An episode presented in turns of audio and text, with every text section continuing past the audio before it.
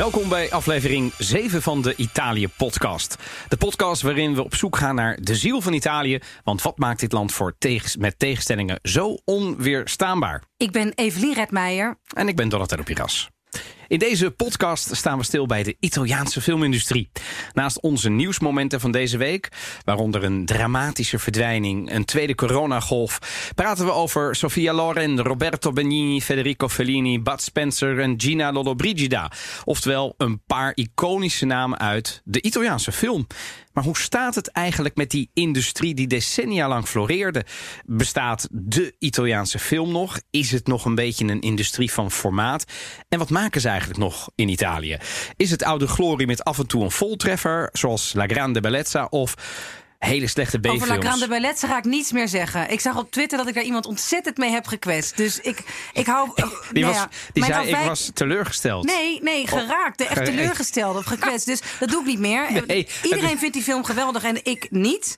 En misschien moet ik dat gewoon voor me houden. Dus ik weet Nou, niet- ik weet het niet, want we hebben een, eh, ook onze eigen Italiaanse filmtop 10 samengesteld. En niet alleen op basis, sterker nog, bijna niet op basis van Evelien en eh, Donatello. Want wij gaan wel noemen wat wij de mooiste film vinden. Maar die top 10 komt echt van social. Hè. We hebben het gedeeld op Instagram, op Facebook, op Twitter. Ik heb echt tientallen, zo niet honderden reacties inmiddels gezien. Ik heb een hele Excel-sheet in elkaar gedraaid om een beetje een representatieve top 10. Maar die top 10 die komt eraan. En u krijgt een cultuurtip uiteraard. En dat is vandaag natuurlijk ook een film die nu draait in de Nederlandse bioscoop. Maar, maar, maar, maar, maar. Oh, ja, ja. kijk, normaal zouden we dan nu. Ja. Mhm. Ik, zou er een wijn open gaan. Eh, en het was dan mijn beurt. Maar wat we vandaag gaan doen is eh, een weddenschap. Die twee afleveringen geleden is ontstaan over water. Ja, Dus we zitten- misschien even Ja, voor we de gaan het even die. terughalen. Ja. We zitten dus vandaag eh, aan het water, aan het pannawater. Oh, hoeveel pannawater, dat weten we niet. Twee weken geleden hebben we uitgebreid gesproken over de eindeloze hoeveelheid soorten mineraalwater in Italië.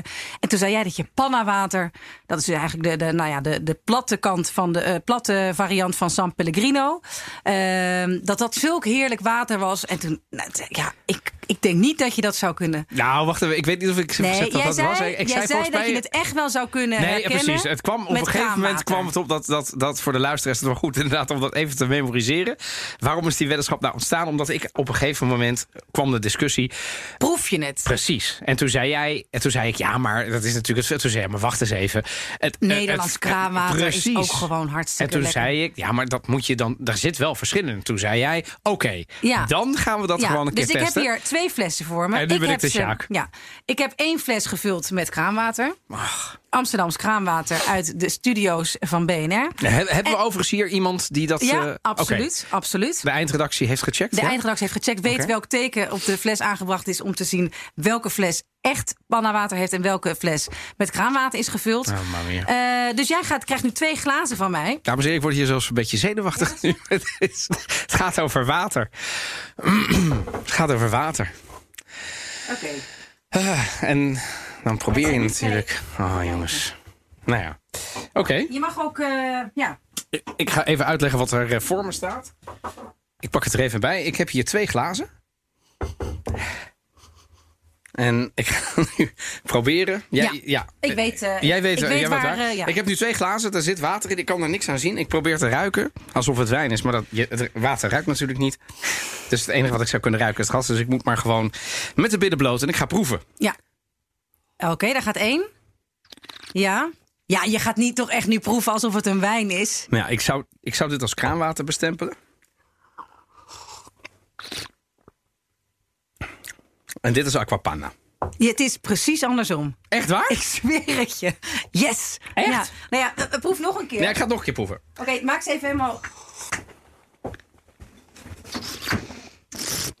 Nee, gadver, je hoeft toch niet... Ja, maar anders proef ik er een beetje zuurstof erbij. Ja, ik... ik en dan... Oké.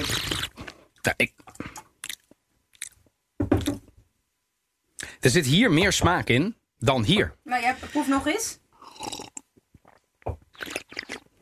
Nee, dit is nu, nu is het andersom. Nee, dat is echt niet waar. Hier zit nu minder smaak in. Ja, ik, ik heb het echt, echt goed gedaan. Nee, Wacht even, je- weet jij nog welke fles Ja, wat is? zeker. Oké, wacht, dan gaan we het...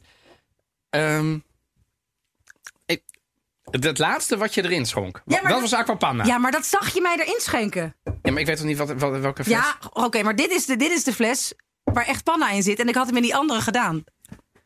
Maar nu was het net andersom. Nee, maar proef nou die andere weer. Ja?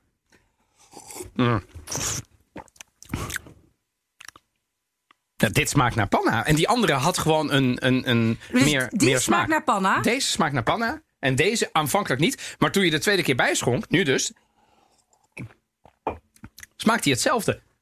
Mag ik dan hier nu kraanwater, hè? Echt, dames, ik heb een blaas zometeen. Ik ga gewoon Nee, onderbreken. ik geloof hier helemaal niks van. Ja, maar ik heb het dus nu andersom gedaan. Oké, en nu moet ik zeggen dat ik het, dat nu ben ik het spoor helemaal bijstaan. Nu, nu heb ik nu, nu niet. Nee. Nee, nu heb ik geen verschil meer. Oh ja. Ja, licht. Maar nu weet ik natuurlijk ook dat wat het is, dus die hele test is. Eh, maar Is- is- eh, als we. Als we, als we ja, nou ja, dat is sowieso. Want volgens mij heb ik het niet gehaald. Hè? Nee, je hebt niet gehaald. Nee. Ik, ik wil hem de volgende keer toch wel iets gecompliceerder maken met vier soorten water. Water uit Oud-West, wat ik mee zou kunnen nemen. Spa Blauw, wat je ouders, waar je ouders bij zweren. Ja, daarvan zei ik volgens mij. eh, Die ga ik er sowieso. Die, da- daar ben ik mee opgegroeid. Dus die Ja, moet ik er sowieso die moet je er uithalen. sowieso uithalen. Vergelijkbaar. Maar dit is, wel, dit is wel erg interessant. Ja. Maar goed, ik ga zo meteen. eh, Wordt vervolgd. Ja, ja. We- weet je, doe, doe me een lol. Ehm, ik wil hem straks gewoon voor de fun nog een keer doen. Oké. Maar pas op het einde, want anders kan ik niet meer presenteren. Echt. Ik heb hier zoveel water gedronken. Ik heb ongeveer half drie biertjes. eh. Goed, eh, beste luisteraar van deze Italië-podcast. Eh, ik ben gezakt, dus dit is, ik ga ook niet mijn revanche halen. Maar we gaan ik wil hem straks nog we gaan ik nog wil wel hem een keer proberen Ik straks. wil straks nog een keer proberen. Want ik, wel goed dat dit een keer is gebeurd. Ehm, en dan gaan we naar het volgende onderwerp. Wat viel ons op in het nieuws? En we beginnen met Evelien. Ja, ehm, deze weken eh, is er eigenlijk eh, maar één, behalve corona uiteraard, maar één, eh, nou ja, Giallo, eigenlijk een mysterie in Italië wat de krantenvoorpagina's beheerst. Dat is Viviana, mama Viviana en de kleine Joele. En dat is een ehm, Siciliaanse dame die met haar zoontje ehm, eh, op, Sicilië reed. En toen een auto-ongeluk heeft gehad. Nou, het enige wat we weten, zij is doodgevonden Tja. een behoorlijk eind van de weg. Dus ze weten ook nog steeds niet waarom ze helemaal zo ver van huis is gereden. En ze zoeken nog steeds naar dat vierjarige jongetje. Eh, en nou ja, er komen de hele tijd allerlei. ehm, ze zou mogelijk zelfmoord hebben gepleegd nadat ze haar zoontje heeft vermoord. Ze heeft mogelijk een ongeluk gehad en per ongeluk haar, nadat haar zoontje was doodgegaan, hem begraven en toen zelf eh, heeft toen eh, zichzelf het leven van het leven beroofd. En eh, nou ja, er zouden mogelijk wilde honden bij, eh, bij, eh, bij het pas zijn gekomen. Het is een ontzettend akelig verhaal, maar ik vind dat op een manier fascinerend. Ja, we hebben hier natuurlijk ook wel van dat soort vreselijke verhalen gehad. Hè? eh, Meisjes die dan. Verdwijningen. verdwijningen ja, en zo. Ja, met zo'n TBS'er die dan is ontsnapt. Exact, exact. Maar dit is dus echt zo'n verhaal waar Maar, iedereen. maar zij is verdachte. Ja, Alleen zij is, dood. Exact, Dus- exact. dus- en, en mensen begrijpen niet, er is allemaal tijd kwijt. Zij er is zijn allemaal DJ, Zij is ook nog zij, een- zij is redelijk, nou ja, bekend, ziet er prachtig uit. Ja, ik ken er niet, maar dat zegt niks. Want ik bedoel, ik, ik zit al lang niet meer in die scene. Maar Ja, ja, ze zijn dus nu kijken naar, naar de schoenen, naar het profiel onder de, onder, onder, eh, onder de nagels, wat er nog zou van kunnen zitten. Nou ja, eh, inmiddels is de familie ook boos, omdat het onderzoek niet goed zou worden uitgevoerd. Het is, het is het verhaal, denk ik, van de zomer, eh, waar. Echt, hè? Ja, waar Want als ik op Twitter ehm, kijk, op mijn timeline, zie ik heel veel berichten over deze arme, arme dame. Ja. En de laatste lezing van die advocaat is dus van nee, maar de, zij heeft hem niet vermoord, hè, haar zoontje Joelle. Zij is eh, op een gegeven moment eh, is die weggelopen eventjes, ze was hem even kwijt. En toen is zij ergens opgeklommen om hem te zien op zo'n elektriciteitspaalachtig Ja, ding. ze zou heel hoog, van heel hoog zijn gevallen. Dat, dat, dat zou een mogelijke. scenario Ja. zijn. En toen is hij de weg kwijtgegaan en hij is door wilde dieren opgegeten. Wat, Ja. wat heb ik een soort zwijn of zo? Ik dacht, Ja, dat het, zou wordt, ook, ja. het wordt echt. Ja, inmiddels, Overigens, Maar eh, inmiddels is het al drie weken geleden ja. ongeveer, bijna. Ja. Eh, en nog steeds is dat, is dat jochie niet Wat gevonden. een mis- maar vreselijk verhaal Ja. dit natuurlijk. Ja, sorry, het kan niet altijd. eh, Nee, nee, maar ik, ja. moet trouwens, ik moest trouwens wel weer aan jou denken. Want er is een nieuwe episode met een beer. Ja, ik zag het. Ik Ja. dacht, ik wil hem bijna meenemen. Ja. Ja. er is een beer ontsnapt. Ja, En die heeft inmiddels ook zijn hele. Die heeft zijn, zijn, zijn tag, of hoe noem je dat, zo'n ding, zo'n nummer waar ze Ja. dus mee kunnen volgen. Die dacht van ja, maar dat gaat niet opschieten als ik probeer te ontsnappen. Dus die heeft het gewoon afgerukt. Dus ze wist niet eens dat het kan. Dus ze kunnen die beer nu ook niet meer vinden. Maar Nee. ja, ik snap dat je. Ja, de- Nee, is- ja, dat berennieuws blijft berennieuws, ja, blijf omdat ik op de sinds- voet volgen. sinds, sinds jouw, eh, eh, eh, zeg maar, berennieuws in. Trento. en er is ook een beer die heeft volgens mij gisteren een agent aangevallen. Ja, ja, ja, Het, het is, het is los met de, de beer is los. Echt een thema. Dan mijn nieuws. Ja, het is goed en slecht nieuws uh, uit Italië en uit Rome.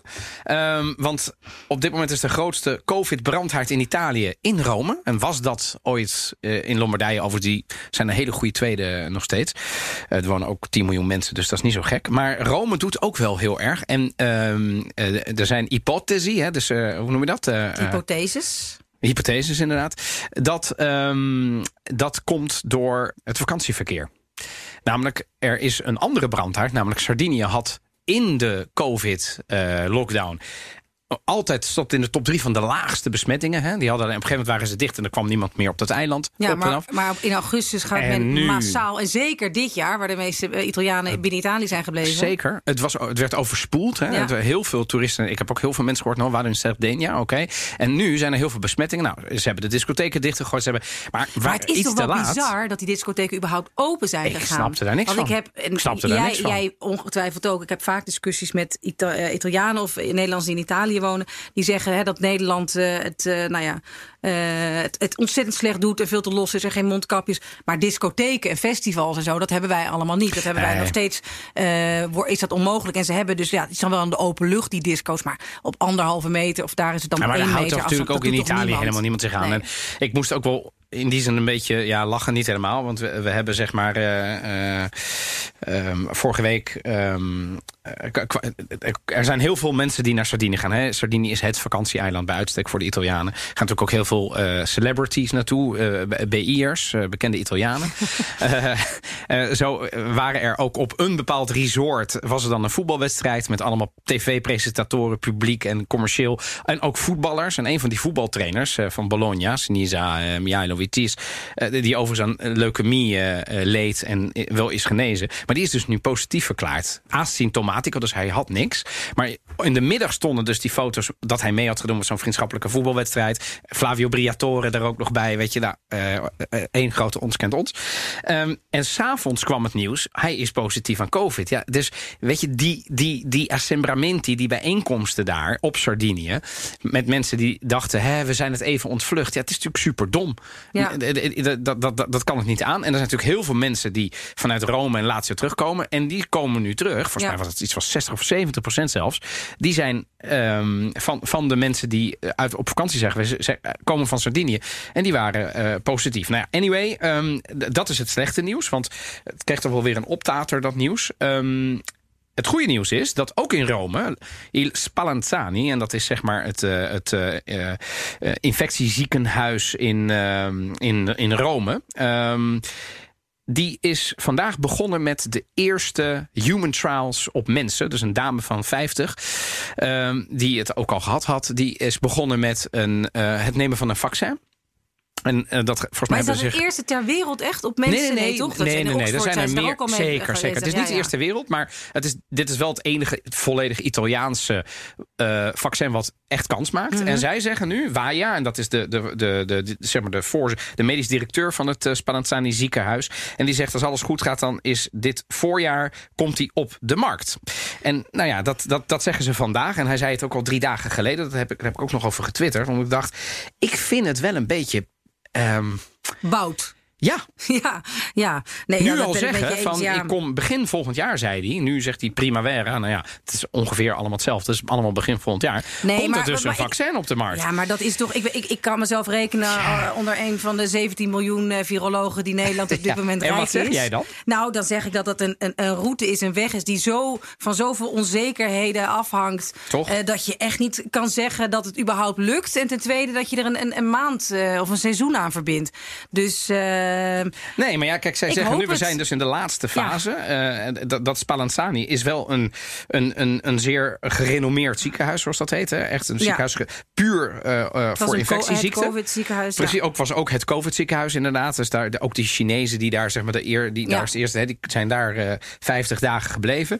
Maar ja, ze zeggen dus nu ehm, eh, dat, ze, dat ze positief zijn. Ik denk ook dat ze dat moeten zeggen natuurlijk. Maar ik dacht, ja, de, de gaan omhoog.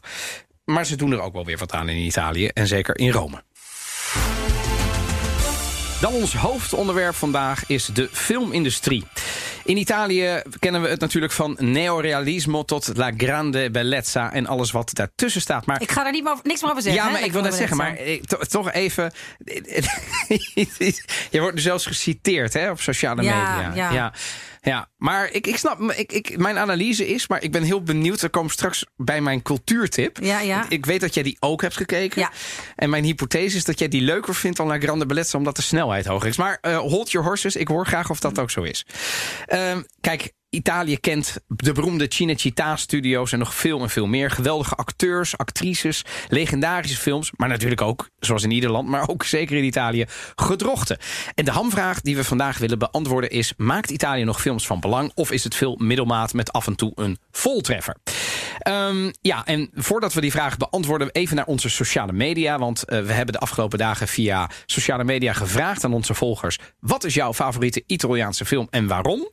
En we hebben een top 10 gemaakt. En ehm, ik wilde zeggen, voordat we die gaan noemen, Evelien, wat is jouw favoriete film? Maar je mag ervoor kiezen om te zeggen ik- dat ik eerst de top 10 doe en dat je hem daarna noemt. Wat? Kies maar. Nee, ik ga het, eh, Zeg het maar. ik ga het toch zeggen. Want ehm, ja, ik heb er heel lang over nagedacht. En want het zijn natuurlijk ook allemaal hele eh, interessante en wat, wat eh, obscuurdere films die heel mooi zijn. Maar toch, de film die echt voor, eh, ja, voor mij toch wel het, het meest betekent, die mij het meest geraakt heeft, is toch wel echt La Vita è Bella.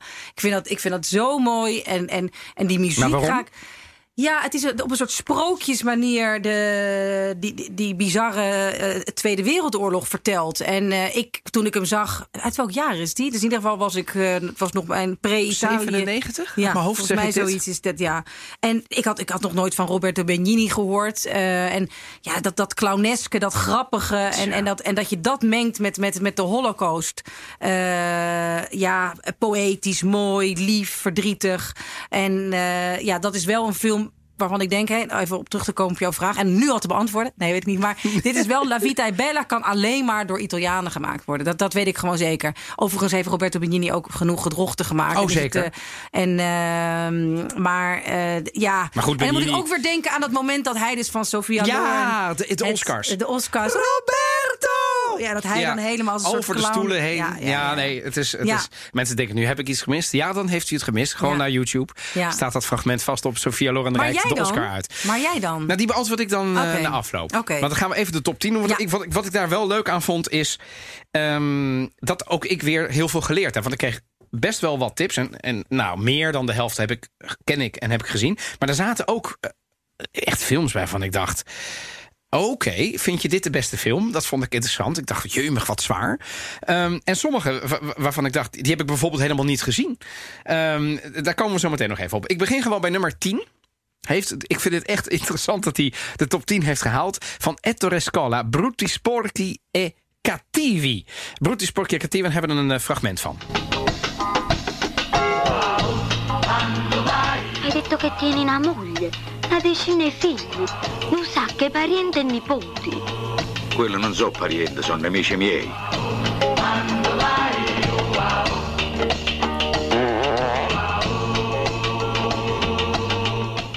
Best wel een oude film. eh, echt volgens mij uit de jaren 70 eh, van Ettore Scola. En ja, dit gaat Ik heb hem niet gezien, moet ik eerlijk bekennen. Nou ja, ik, toen ik hem. eh, want ik, ik heb natuurlijk wel even de tweede weer zitten bekijken. En toen dacht ik, oh, volgens mij heb ik hem nooit afgekeken. Omdat ik hem niet snapte in, in, in die jonge jaren.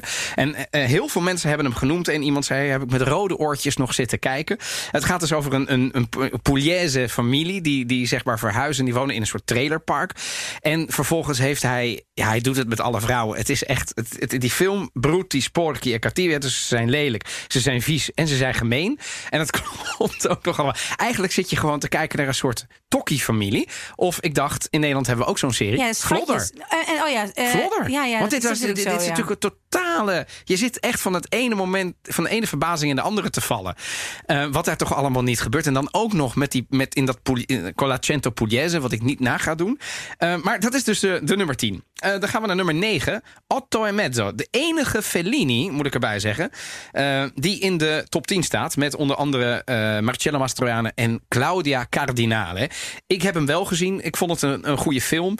En volgens mij begreep ik dat het, de grap bij deze film is dat het bedoeld was ehm, van Fellini, die had weinig inspiratie. En toen dacht hij, ik ga maar gewoon iets maken. En achteraf was dat zijn, een van zijn mooiste films. Dus dat is wel leuk. Op nummer 8 van Vittorio De Sica, de regisseur Ladri di Biciclette. Heb jij hem gezien? Nee, moet ik bekennen. Terwijl ik weet wel, er is toevallig een eh, grappige foto uit mijn fotoalbum. Toen ik iets van zes was, had ik naast mijn moeder op de stoep op straat. En daar staat, is nog bijgeschreven Ladri di Biciclette. Omdat, we er, omdat ze er blijkbaar ze- zo bij zaten. Maar ik heb het nooit gezien. Dus eigenlijk, ja, het is wel heel erg. Ik heb die nooit gezien. Hij staat wel op zijn ja, lijst. ja. Maar dat is wel, zat ik laatst te denken. Af en toe is het zo jammer dat er niet meer de goede oude videotheek bestaat. Nou toch? Maar Want- ik heb, dus, ik heb dit dus meegenomen. Ik oh, heb, wat goed. Jij hebt ze. Ja, Nou, maar je moet ze dus of op DVD kopen en Ja, maar, ja, maar dan moet je de- juist, hè? En de, de mijne is nu kapot. En ik heb dus al, al jaren niet meer een Ja. echte DVD op de tv Ja. gekeken.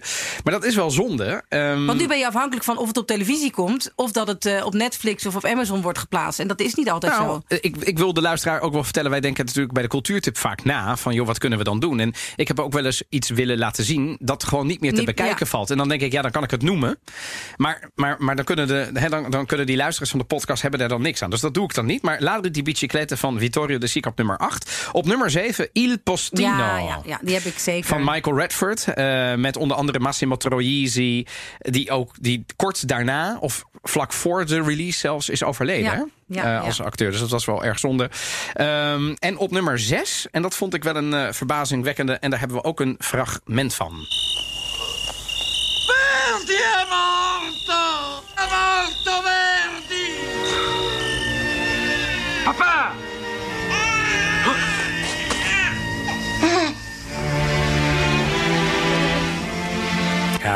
Dit is Il Film. En ben ik benieuwd. Ik heb hem dus niet gezien. Novecento. Ik heb hem wel gezien. Ik Wat heb vind je daarvan? Ja, Want de mensen wel- die hem noemen. Die noemen hem, dat vinden het echt het allerprachtigste wat ze ooit eh, hebben gezien. Die zijn hier lyrisch. Hij is Ja. van Bertolucci. Ja. Nou ken ik Bertolucci. ehm, met, ik, ik ken, eh, eh, hoe heet het? Bertolucci van de ehm, eh, The Last Emperor.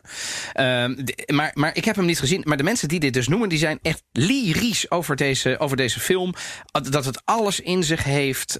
Eh, Robert De Niro en Gérard Depardieu. Dus hij had ook een redelijk goede cast. Vind jij ervan?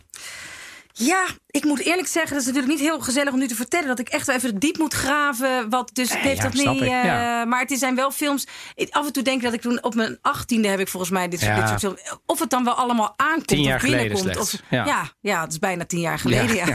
Nee, dus dat, of het dan allemaal wel binnenkomt. Begrijp je dat? je Misschien Nee, met maar dat, dat soort maar dat- films. ik heb dus films, Hè, dan vind ik, dan vond ik het misschien traag. Overigens, La Grande Bellezza was ik gewoon eh, boven de 18. Maar, Zit je wel eh, dwars, hè? nee, nee, ja, er komen nog. eh, ja. Ja, nee, maar in Novecento dus van Bertolucci... wat ik wel een fantastische regisseur vond. Hij is inmiddels overleden. Nummer vijf is dan La Grande Bellezza van Paolo Sorrentino. Ehm, ja, eh, daar is al heel veel over gezegd. Te maar veel. Te veel. Eh, voor wat jou betreft, voor mij kan het niet. Er zijn ook best wel veel filmkenners die hem hebben genoemd. Vond Ja. ik wel leuk om te zien. Die echt alleen al vanwege de, de, de, de, de, alleen al vanwege de fantastische beelden, bijvoorbeeld in de tweede scène. Nou, vond, vond ik wel mooi. En voor het overige kunt u terugkijken naar Ja. luisteren naar andere afleveringen. Om een gesprek te horen tussen Evelien en mij over La Grande Bellezza. We gaan naar de top 4. En op nummer 4, Una giornata particolare.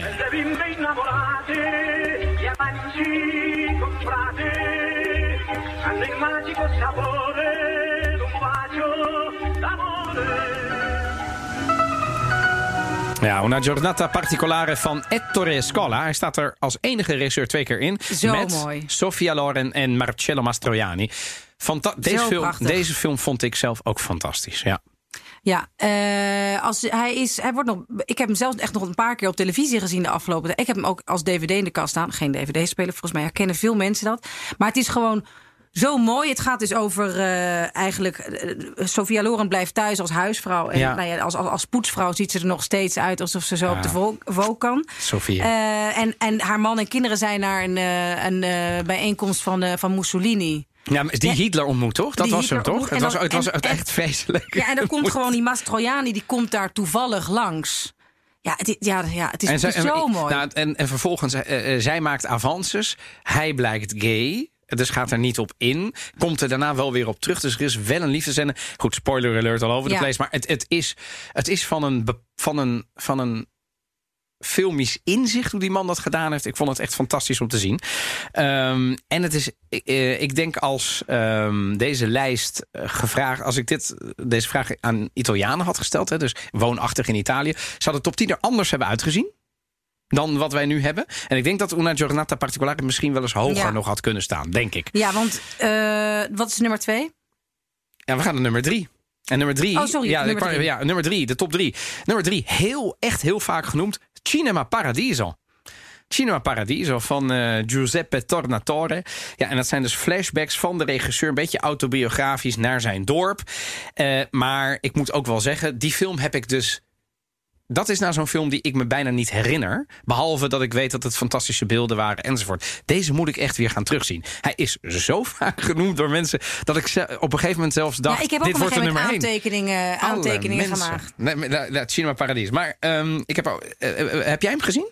Ik heb hem gezien. Ik heb hem gezien. En ook hiermee moet ik zeggen, ik had hetzelfde als jij van ja, hier moet ik wel weer, eh, wel, weer, wel, wel weer naar gaan kijken. Maar wat me wel opvalt, is dat er zoveel, ja, er zijn wel veel echt klassiekers zitten erin. Want er zijn ook echt hele mooie recente Italiaanse films Ja. geweest. Nou, en die halen dus en allemaal ook van die top 10 Tornatore. niet. Ja, dat is toch wel eh, Ja. apart. Maar goed, dat, ja, dat kan zijn. Of dat het, eh, ja. Ja, maar, ik heb, wat ik heb gedaan, ik heb ook gekeken naar. Stel, ik denk ik moet toch even vergelijkend ware onderzoek hebben. Stel, we zouden deze vraag in Italië hebben gesteld. Dus wat zeggen de Italianen dan? Die hele top 20, op Ja. één of twee na, zijn allemaal films uit het neorealisme. Ah, ja, of ja. jaren 70. Ja. Dus de Italianen zijn nog nostalgischer. Dat de wel, Nederlanders zijn toch nog wel wat hedendaagser. En dat eh, blijkt ook uit nummer 2. Want op nummer 2, La Meglio Gioventù. Een epos over de familie eh Caratia en, eh, van een- Giordana. hè, de Dat was een serie op de, de RAI, op de RAI Uno. En dat was, dat was zes uur. Daar hebben ze toen gewoon twee, La Meo Gioventù 1 en 2 van gemaakt. En hier in de bioscoop zit van drie uur, toch? Ja, twee Ja. keer een zit van drie uur. En eigenlijk is het, ja, een, dat is een bekend, eh, bekende formule van Italiaanse films. Om nou ja, een ehm, vriendschap of een relatie, eh, nou ja, 40 jaar te laten bestaan, 50 jaar. En dat een beetje ja, langs de, eh, langs de Italiaanse geschiedenis. Ja, en dat, maar dat is eh, eh, 40 jaar. En ja, alles komt dan voorbij. Ja. Ik, ik moet Dan wel zie zeggen... je ook wel hoe ontzettend roerig Zo. de hedendaagse Uit de Italiaanse jaren geschiedenis- 70 komen daar. Ja, nu die Piombo. Ik, ik was daar, ik heb hem gezien en toen, volgens mij was ik toen net afgestudeerd of nog aan het studeren. Ergo, ik had tijd. Ja, Daar ben ik dus vol ingedoken. En in het begin vond ik het een beetje moeilijk. Op een gegeven moment kwam ik erin. ja. En toen wilde het me niet meer loslaten. Dus ik vond La Manager toe. Ik snap dat hij op nummer 2 is. En heel veel mensen hebben dat dus echt ook Ja. mee kunnen leven. Ondanks, dat vind ik ook knap. Want ik heb het aan Nederlanders gevraagd. Hè. Tuurlijk, Ja. mensen die wel eh, of filmliefhebber zijn... of Italië-liefhebber of allebei. Maar La Miglia Gioventù is echt heel Italiaans, vind ik. Ja, ja, ja, ja, heel Italiaans. Toch? Heel Italiaans. Ehm, ja, ook wat betreft geschiedenis. Dat moet je dan wel echt bovenmatig interesseren. En je Toch? moet toch wel enige. eh, Ja. eh, ja, je moet weten van de overstroming in Florence. Je moet weten van de terroristische aanslagen. Wel, dat, eh, dat komt allemaal langs. Ik zou nu, ik heb dat toen niet gedaan, dat had met de tijd te maken. Maar ik denk, zoals ik nu naar bijvoorbeeld The Crown kijk. Af en toe eh, wil ik hem stopzetten. Mag niet van mijn vrouw. En dan wil ik gaan googlen. Omdat ik denk. Klopt dit? Was Hoe is dit dit? nou echt zo? Ja, ja, ja, Hè, ja. Wie is dit? En bij La Meglio Gioventù gebeurt natuurlijk be- dat is best Ja. wel veel verweven in de actualiteit. Maar goed, dus La Meglio Gioventù nummer 2. En dan nummer 1 in de top 10 door onze luisteraars van de Italië-podcast. Buongiorno, principessa.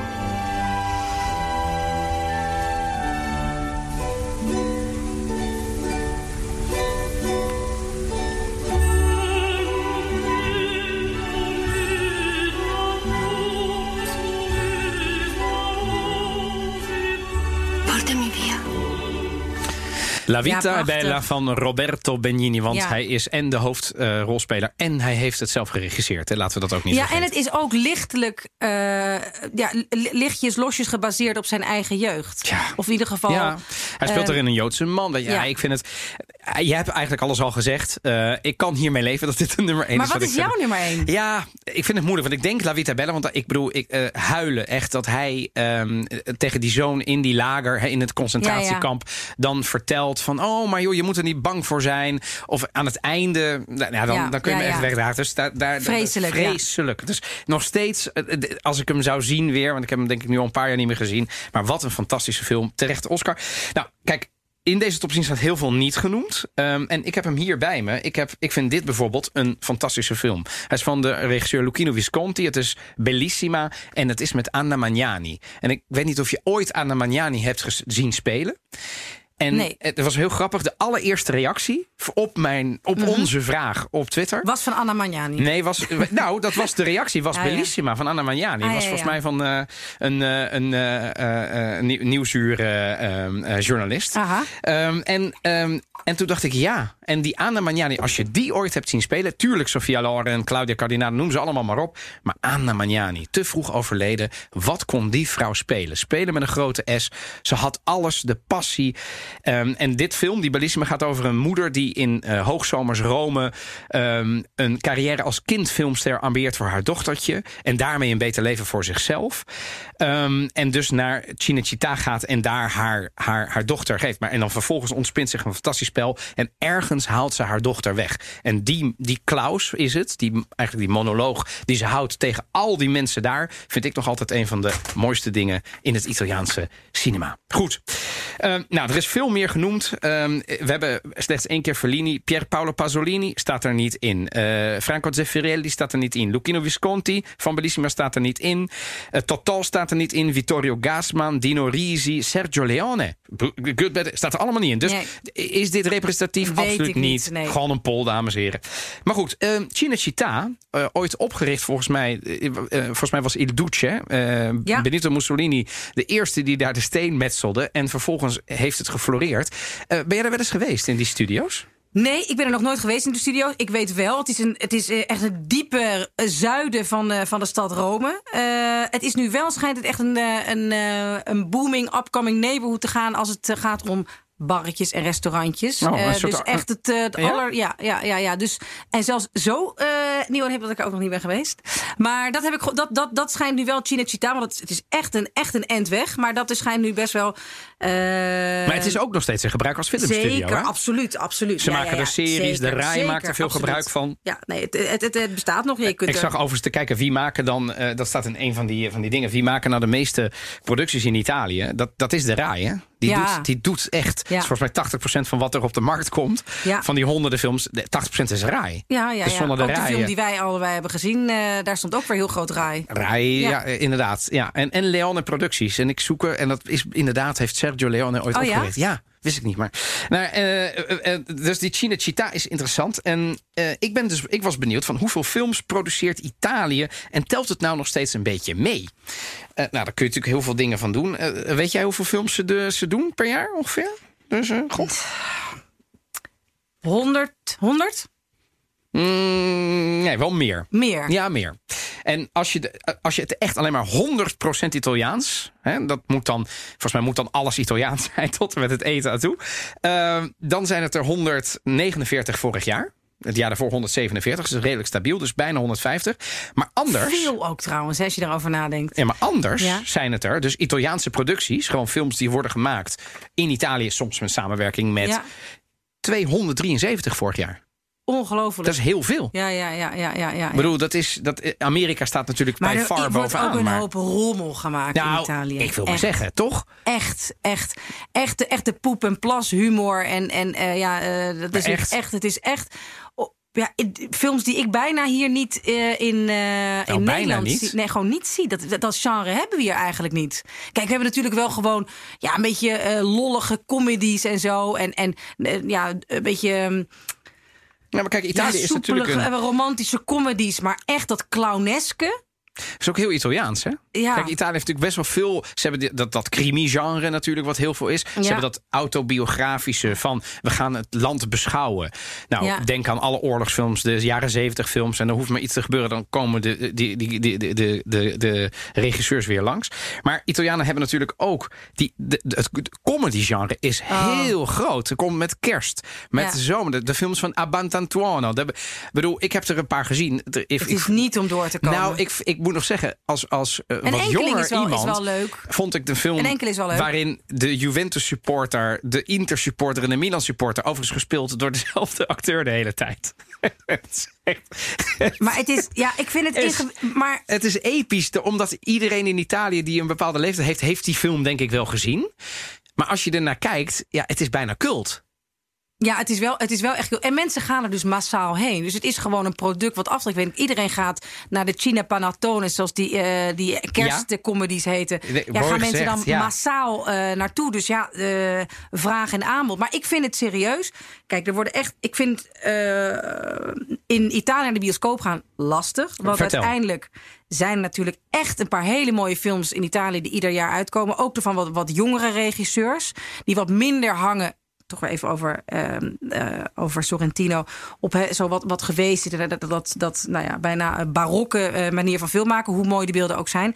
Maar vooral, je kunt niets zien in de originele taal. Je kunt geen Engels of Amerikaanse film zien. Allemaal nagesynchroniseerd, hè? Alles is nagesynchroniseerd. Ja. En het gekke is. Ja, als je dat mij twintig jaar geleden had gevraagd, denk je dat er wat over twintig jaar nog is? Had ik gezegd, nee, dat gaat echt wel minder worden en zo. En? Maar ik, volgens mij is het nauwelijks minder geworden. Het is eventjes iets minder geworden, omdat er toen heel veel gestreamd werd. Er was nog geen Netflix en zo. Dus er kwamen er series uit en dan gingen er mensen dan illegaal ondertiteling onder zetten. Maar nu, Netflix, ja. die maakt meteen eh, op de dag dat het, dat het allemaal uitkomt, hebben zij een nagesynchroniseerde versie. Het is een gigantische markt. Die hele nagesynchroniseerde. bizar. er zijn mensen die gewoon. Ja, Er zijn beroemd acteur- zijn, ja. exact. Die beroemd zijn omdat ze de stem van Bruce Willis zijn. Die beroemd zijn omdat ze de stem van Julie, Rob Julia En die worden ook Roberts zijn. uitgenodigd in de talkshows. Die zeggen dan, nou Exact. ja, dit, dit is Bruce Willis. Althans, Ja. u kent hem niet, Ja. maar dit is de stem van. En dan, Ja. nou doe eens. En dan doet hij het. Ja. En dan zie je huilende huisvrouwen. Nee, Ja, ik doe er een is- beetje badinerend over nu. Maar die, die, het, het is natuurlijk een enorme business. Ook, Maar het is- ook qua dit. Ja, maar het is, het is Want ze ook... synchroniseren alles. Want ze zijn, maar ik heb het ook wel eens een discussie gehad. Heel veel Italianen die in het buitenland hebben gewoond en die wel gewend zijn geraakt aan dingen in de originele taal zien. Want even serieus, een acteur die acteert en dan zie je dus, hoor je hem Italiaans praten en dat loopt dan niet synchroon met de mond. Het is, Nou, het is ik heb dus wel eens gedaan. Beverly Hills 90210 geprobeerd te kijken. In, dan Ja, was ik weer op vakantie in Italië. Dan ging ik bij mijn neven en nichten. Eh, eh, ja, alleen al de naam die ze niet konden uitspreken. Omdat die namen veranderden dan ook. Heb jij die film gezien? Dan zei ze, ach jij met je Engels. Ja, oh, je de- bedoelt... de filmtitel. de filmtitel wordt ja. dan compleet. En dan Ja. ook nog, weet je wel, en Beverly Hills 9, Ciao Brenda. En dan denk Brenda, ja, nou, waar baas staan. Dat kan toch niet? Dus hoezeer ik ook van het Italiaanse filmgenre. Maar je moet wel met je poot afblijven van Hollywoodfilms. Maar ja, weet je, in Italië... Wat ik altijd dus- terugkrijg, ja, ik heb geen zin om ondertiteling te lezen. Ik heb er geen zin om de hele avond om twee Omdat uur ze het niet gewend zijn. Nee, maar ze dat- zijn het dat- gewoon niet gewend. En daarom is hun Engels natuurlijk heel lang slecht geweest. Ik moet overigens wel zeggen, ik heb, ehm, dat kreeg ik ook op Twitter. Sommige dingen weet ik natuurlijk gewoon niet. En er zijn veel mensen die veel van films weten. Hebben we ook in de Ennio Morricone aflevering gehoord. Ehm, bijvoorbeeld, iemand noemde films zoals. ehm, eh, eh, Star Crush. Nou, dat is, een, dat is echt een, een, een. Ja, ik bedoel, ik check het. De cinema heeft veel te danken aan Italiaanse horrorfilmauteurs, zei iemand. John Bell in dit geval. Dante's Inferno, Luciano della Piuma, Die Cristallen, Dawn of the Dead. Nou, allemaal, allemaal niet gezien. Nee. En ik zo jammer, ik wist niet eens dat dit een, een Italiaanse film was. Was toch, alleen, was toch een Amerikaanse film. Toen zei hij ja, op papier, want de geld en acteurs zijn eigenlijk alles aan deze film is Italiaans. En het is misschien niet de meesterlijke cinema van Fellini of De Sica... maar wel de pulp- en B-films die door hun kleine budgetten... ingegeven innovativiteit zeer invloedrijk waren in de filmwereld. Toen dacht ik, ja, zo heb, dat, daar weet ik ook te weinig van. Maar, maar dat is natuurlijk ook wel in zo'n in zo'n niche. In. Italië maken ze natuurlijk wel. Het is Ja. een enorme maakindustrie. Ze maken dus honderden films per jaar... 80% ziet geen hond waarschijnlijk, of hele kleine dingen. Maar daar zitten natuurlijk ook opkomende filmmakers bij. En dat moet je wel hebben. Ik heb dus ook even naar een staartje gekeken. Ehm, ja, eh, ehm, zijn ze nou een beetje succesvol wereldwijd? Nou, nummer één land is natuurlijk Amerika. Ehm, en vervolgens India, Ja, ook logisch. ja. Dan Frankrijk, de UK, dan Duitsland en vlak daarachter dus boven Japan nog, en Japan heeft een hele grote filmindustrie, Italië. Dus die doen het, die doen het echt wel Ja. hartstikke goed als het gaat over kwantiteit. En dan heb ik natuurlijk ook nog een beetje gekeken van... oké jongens, hoe zit het dan met successen op... Ja, krijgen ze nou een beetje Academy Awards? Staan ze bovenaan? Ja? Ja, boven Maar Frankrijk. geschiedenis, ja. Dus, maar ook Ja. de laatste twintig jaar? Nou ja, dit is een soort optelsom van Ja, ja, ja. alles natuurlijk. Ik moet wel zeggen, er staan heel veel neorealisme films in. Maar La Grande Bellezza, La Vita Bella, Il Porcino, weet je, al dat soort films. La Meglio Gioventù, die staan er natuurlijk ook in. En Italië zelf heeft ook filmprijzen. Jij weet ook hoe ze heten, neem ik aan. Ja, eh, Donatello. Oh, De- ja. ja, sorry. Ja. Even heel flauw. Grappig, ik ging het. Ja. David di Donatello, David inderdaad. Ja, dus het is de, Italiaanse Oscar. En dat is ook wel weer goed dat je zo'n filmprijs hebt. En die is in Italië steeds... Ik heb wel de indruk dat dat je ook hebt wel... toch ook een gouden kalf? Kom Zeker. op zeg. Maar nee, nee. En, en, en, en dat is in Nederland ook heel veel waard. Als je als acteur hier in Nederland een gouden kalf hebt. en je speecht hier in Amsterdam. en je bent het. dan, dan, dan zie je ook de carrière. En het is goed dat dat er is in ieder land. en dat er aandacht aan wordt Ja. besteed. Zo ook in, eh, in Italië. Kortom, om een beetje richting de afronding te gaan van ons hoofdonderwerp. Ehm De Eén ik- kritische noot heb ik er nog wel bij. Ja. En dat gaat over geld. Er wordt heel veel gemaakt, maar als je het heel veel mensen vraagt, dan zeggen heel veel acteurs, regisseurs of filmcritici dat ze zich ernstig zorgen maken. In de jaren 80 had je de opkomst, 70, 80 had je de opkomst van de televisie. Waren ze bang dat er geen hond meer naar de cinema ging. Nou, dat is zo'n beetje opgelost. En nu zijn ze heel erg bang voor Netflix. Ja. De streaming is. ja, de streamingsdiensten. Want ja, dan gaat er ook weer niemand naar de bioscoop. Tegelijkertijd, Ja, maar wat je, je, kunt ziet. daar toch, je kunt daar dan toch producten voor maken? Ja, Daar komt, ja. komt iedere filmindustrie toch mee Dat zou ik ook denken. En Netflix maakt ook producties. Hè. We hebben, Ja, eh, een van de tips was Summertime. Dat is een Netflix original in Italië opgenomen met En er komen er nog meer dus, aan. Ja, dus ik denk misschien eh, zijn ze te pessimistisch of zo. Wat ik wel zie, de- er zijn wel steeds meer teruglopende budgetten. Ze hebben steeds meer moeite om aan geld te komen, de filmmakers. En de Italiaanse staat draagt ook steeds minder bij. Hè. Dus waar in fascistische tijden natuurlijk hè, vanwege nationalistische gevoelens het geld niet op kon, hè, alles moest Italiaans, is dat natuurlijk nu veel meer de vrije markt. En ik- wat ik hoor is dat ze wel steen en been klagen. En daarom zeggen ze, er komt dan af en toe zo'n grande bellezza tussendoor. Dan is iedereen weer even heel blij. Maar wij, kleine filmmakers, hebben daar helemaal niets aan. Nou, kortom, als ik jou vraag, wat zou jij zeggen van de Italiaanse filmindustrie? Ehm, is het inderdaad heel veel middelmaat en af en toe een voltreffer? Of zeg je nou, hij telt nog wel mee? Hoe zouden we dat kwalificeren? Ik vind wel dat hij, dat hij nog wel meetelt. Het, he- het is ook omdat toch uiteindelijk Italië een heel geliefd land is. Dus, dus Ita- Italofielen zijn er over de hele wereld. Dus ik denk dat een Italiaanse film bovengemiddeld veel interesse wekt. Dus wat we daarom ook internationaal eh, relatief veel Italiaanse films krijgen. En er worden echt wel echt mooie films gemaakt. Hè. Dat, dat hebben ze toch wel in hun bloed. Eh, dus eh, ja, ik zou ze niet afschrijven. Maar ik denk dat de gloriedagen eh, toch wel andere decennia, decennia zijn. Come ti chiami? Eh, Gemma.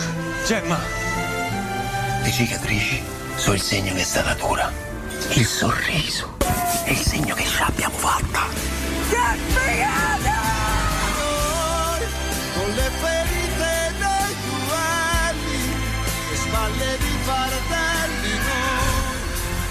che abbiamo spinto il cuore. Ja, de cultuurtip zijn we alweer bij aanbeland. En deze keer is het een bioscoopfilm. Kan natuurlijk ook niet anders, want we hebben het al de hele tijd al over film. Het is Gianni Piubelli van regisseur Gabriele Muccino. Bekend onder andere van A Casa Tutti Bene en The Pursuit of Happiness met Will En Smith. L'Ultimo Bacio. Ja, heb jij die gezien? Ja, natuurlijk. Dat is een film die echt nog wel veel mensen... L'Ultimo Ja? Bacio Ja. en Bacio Mi Ancora. Bacio- ja. Nou, ja, ja, kijk. Ja. Ja, ja, ja. Het verhaal gaat over vier vrienden. Het is Giulio, Gemma, Paolo en Riccardo. Gespeeld over door een sterrencast. Pier Francesco Favino, Michele Ramazzotti, Kim Rossi Stewart en Claudio Santamaria. Sinds hun jeugd in de jaren 80 zijn ze hecht bevriend. Groeien samen op, gingen samen door de puberteit en werden samen volwassen. Ze deelden mooie momenten, hoop, succes, maar vooral slechte tijden, mislukkingen van relaties. En hun verhaal is onlosmakelijk verbonden aan de geschiedenis van Italië van de laatste 40 jaar. Lijkt dus wat dat betreft een heel, Heel, klein ja. beetje op hoe La Meglio Gioventù is ehm, eh, Ja. opgebouwd. Namelijk aan de hand van. Je ziet ook echt een paar klassieke momenten. 9-11, eh, Italië die wereldkampioen wordt. De muziek is van Nicola Piovani. En dat is dezelfde maker die eh, de soundtrack van La Vita Bella heeft gemaakt. En de titelsong is gezongen, en dat, die hoorden we net door Claudio Baglioni. De grote ster van het Sanremo Festival Nou, voor de liefhebbers. eh, Ja, Ja, inderdaad. Eh, ik heb hem gezien. Ja, dan moet je hem raten. Hè? Wat geef ik er? Ik geef er toch wel vier sterren aan. Want ik heb toch genoten. Ik kijk er toch als Italiaan naar. Ja. Om één voorbeeld te geven. Eh, toen een van de hoofdrolspelers in het, in het klein nog. Hè, eh, eh, Gemma en, en Paolo komen elkaar weer tegen. Paolo gaat Gemma ophalen. Eh, op zijn In Rome Vespaatje. alles. In Rome. Prachtig allemaal. Ik wilde zeggen, jij hebt ook nog gewoond. Dus dat moet Ja. ook nog een. een en, en, maar dat is in 1982 tijdens de finale van het WK. Ja, ik schoot al bijna vol toen ik dat zag. Dus ik dacht, ja, ik kan hier natuurlijk. Ik ben ook geen filmcriticus, dus ik moet hier ook niet te kritisch naar kijken. Heb ik genoten? Ja. Ehm, is, is- er een punt van kritiek? Zeker. Eh, ik vind wel dat, het strooit, dat die st- Muccino strooit met clichés. Ik bedoel, het ene cliché is nog niet over... of het andere komt alweer voorbij. Dus ehm, is, het, is het filmmatig eh, een vijf? Zeker niet. Maar ik, het zou denk Ja, ik een drie hebt- moeten zijn. Maar ik geef de vier, want ik heb genoten. Oké, dan eh, ga ik daar net onder zitten met 3,5. Maar ik heb uiteindelijk ook een, echt een heerlijke avond eh, gehad. Het is gewoon precies wat je, wat je wil. Het is allemaal, In deze het is COVID-tijd. allemaal hysterisch. Ja, Zowel, zowel het verdriet als het gelukt. En iedereen, iedereen schreeuwt en iedereen gaat vreemd. En ook nog eens wel, met elkaars vrouw. En dan gaan mensen toch weer terug. Ho, en, ho, daar zitten wel jaren tussen. ja, daar zitten jaren tussen. Fijn dat je ze verdedigt. Maar eh, ja, ik moest daar echt om lachen. Sowieso wat hij met vrouwen op heeft. Dat is echt. De een is alleen maar op geld uit. De, de, de ander doet het met iedereen. En, dan, eh, en de ander die, eh, ja, die zeurt ook dat. Die, ja, die haalt de zoon weg bij, bij de man. Nee, vrouwen komen er niet. Emma Barone is dat volgens mij, Ja. de zangeres. Die speelt, de, ja. de, de vrouwen komen er niet eh, goed vanaf. Ik vind het goed dat je dat zegt. Zo had Nee, ik er maar- niet, nog niet naar gekeken. En Ja. ik, zo terecht. Maar het is, het, wel is het, het is heel is het seksistisch? Nou, dat weet ik Of valt dat mee? Dat, dat weet, ja, nee, dat valt wel mee. Maar het is, het is wel heel veel en heel heftig allemaal. Ja, dat is- ik hoor Hey, ook heel veel commentaar van mensen die dat ook zeggen. Van, hij probeerde La Meglio Gioventù te maken, maar dat is hem natuurlijk nee, niet en in gelukt. twee uur. In twee uur. En het ging te snel, zeggen sommige mensen. Toen dacht ik, te snel? Nee, ik hou echt Vind? wel van trage films. Maar wat, vond je hem te snel, jij? Of dacht je, nee, ja, ik vond hem wat, wat te veel een, eh, van eh, een echt achtbaan eigenlijk. Hè? Dus dan is het meteen. Ja, het eh, gaat mega. Ja, dus dan is het meteen. mensen kijken naar elkaar eh, op een huwelijk. En dan moet je eigenlijk meteen begrijpen dat ze smoor verliefd zijn. Nou, bij die scène begreep ik dat wel hoor. Maar, maar Jezus, ja, mag ik overigens ja. wel even een prachtig voor? Michaela Ramazzotti? En hoe- hoe prachtig is het en hoe familie van? is. Nee, maar ze komt uit Rome en er zijn wel meer Ramazzotti's in Italië. Mijn hemel, wat speelt hij goed. Ja, en wat zijn Echt, hoor. prachtig ook, ja. Ik, bedoel, ik vind overigens Kim Rossi Stewart Ja, ook ook, heel een goed, fantastische ja. acteur. Die, de leraar speelt. Maar zij is wat een veelzijdigheid. Ja. Dus alleen al daarom, ik zou zeggen, eh, ga hem kijken. Want hij eh, speelt in de bioscopen in Nederland. Ehm eh, 3,5 mag je, mag je hem ook aanraden, toch? Dan mogen mensen hem Zeker. kijken. toch? ik neig ook wel naar vier. Maar ik vond het, kijk, ook met al het commentaar dat ik erop heb. Kijk, uiteindelijk, als je dan. Is het een goede. Nee, het is geen goede film. Maar je wilt toch ook niet altijd alleen maar. Het kan toch niet allemaal Nee, een exact, epos zijn van de regisseur? Exact. En, En het, het is wel zijn- Muccino, hij staat hier onbekend. Hij staat hier onbekend. En het is inderdaad best wel clichématig. Maar. De acteurs zijn fenomenaal. En dat redt het gewoon. Begrijp Ja. je? Dus, eh, nou, en, de het feit dat we na COVID heerlijk. ook wel zin hebben in iets luchtigers, toch? Ja, ik heb me echt, echt heel goed vermaakt. Dus ga die film zien. En dit was alweer aflevering 7 van de Italië-podcast. Blijf vooral luisteren, reageren, tips, suggesties. En uiteraard genieten we ook van jullie complimenten. En spread the word, want ehm, ja, we hebben natuurlijk altijd meer luisteraars nodig. Mocht je een recensie willen achterlaten via bijvoorbeeld Apple Podcasts of iets anders... voel je vooral vrij om dat te doen. En Evelien, waar gaan we het de volgende keer over hebben? Volgende keer spreken wij onder andere over Il Sud, oftewel het zuiden van Italië, Il Mezzogiorno. Het gedeelte dat het geld opmaakt in plaats van dat het verdient, vinden ze, althans in het noorden. Wat zijn de problemen in het zuiden? Waarom loopt het daar zo achter en trekken jongeren daar massaal weg, terwijl het uiteindelijk zoveel te bieden heeft? Het is volgens experts zelfs eh, een van de geografische effecten van de coronacrisis dat mensen mogelijk nu het op afstand werken eindelijk in Italië eh, wat, eh, mogelijk, wat meer mogelijk is, dat mensen massaal weer zouden terugverhuizen naar de zuidelijke regionen waar ze uit zijn vertrokken. Dat gaan we allemaal bespreken in aflevering 8. En wil je nog meer afleveringen van de Italië-podcast luisteren... dan vind je ons in de BNR-app of in je favoriete podcastplayer. Bedankt en tot de volgende keer. Ciao, ciao. Ciao, ciao.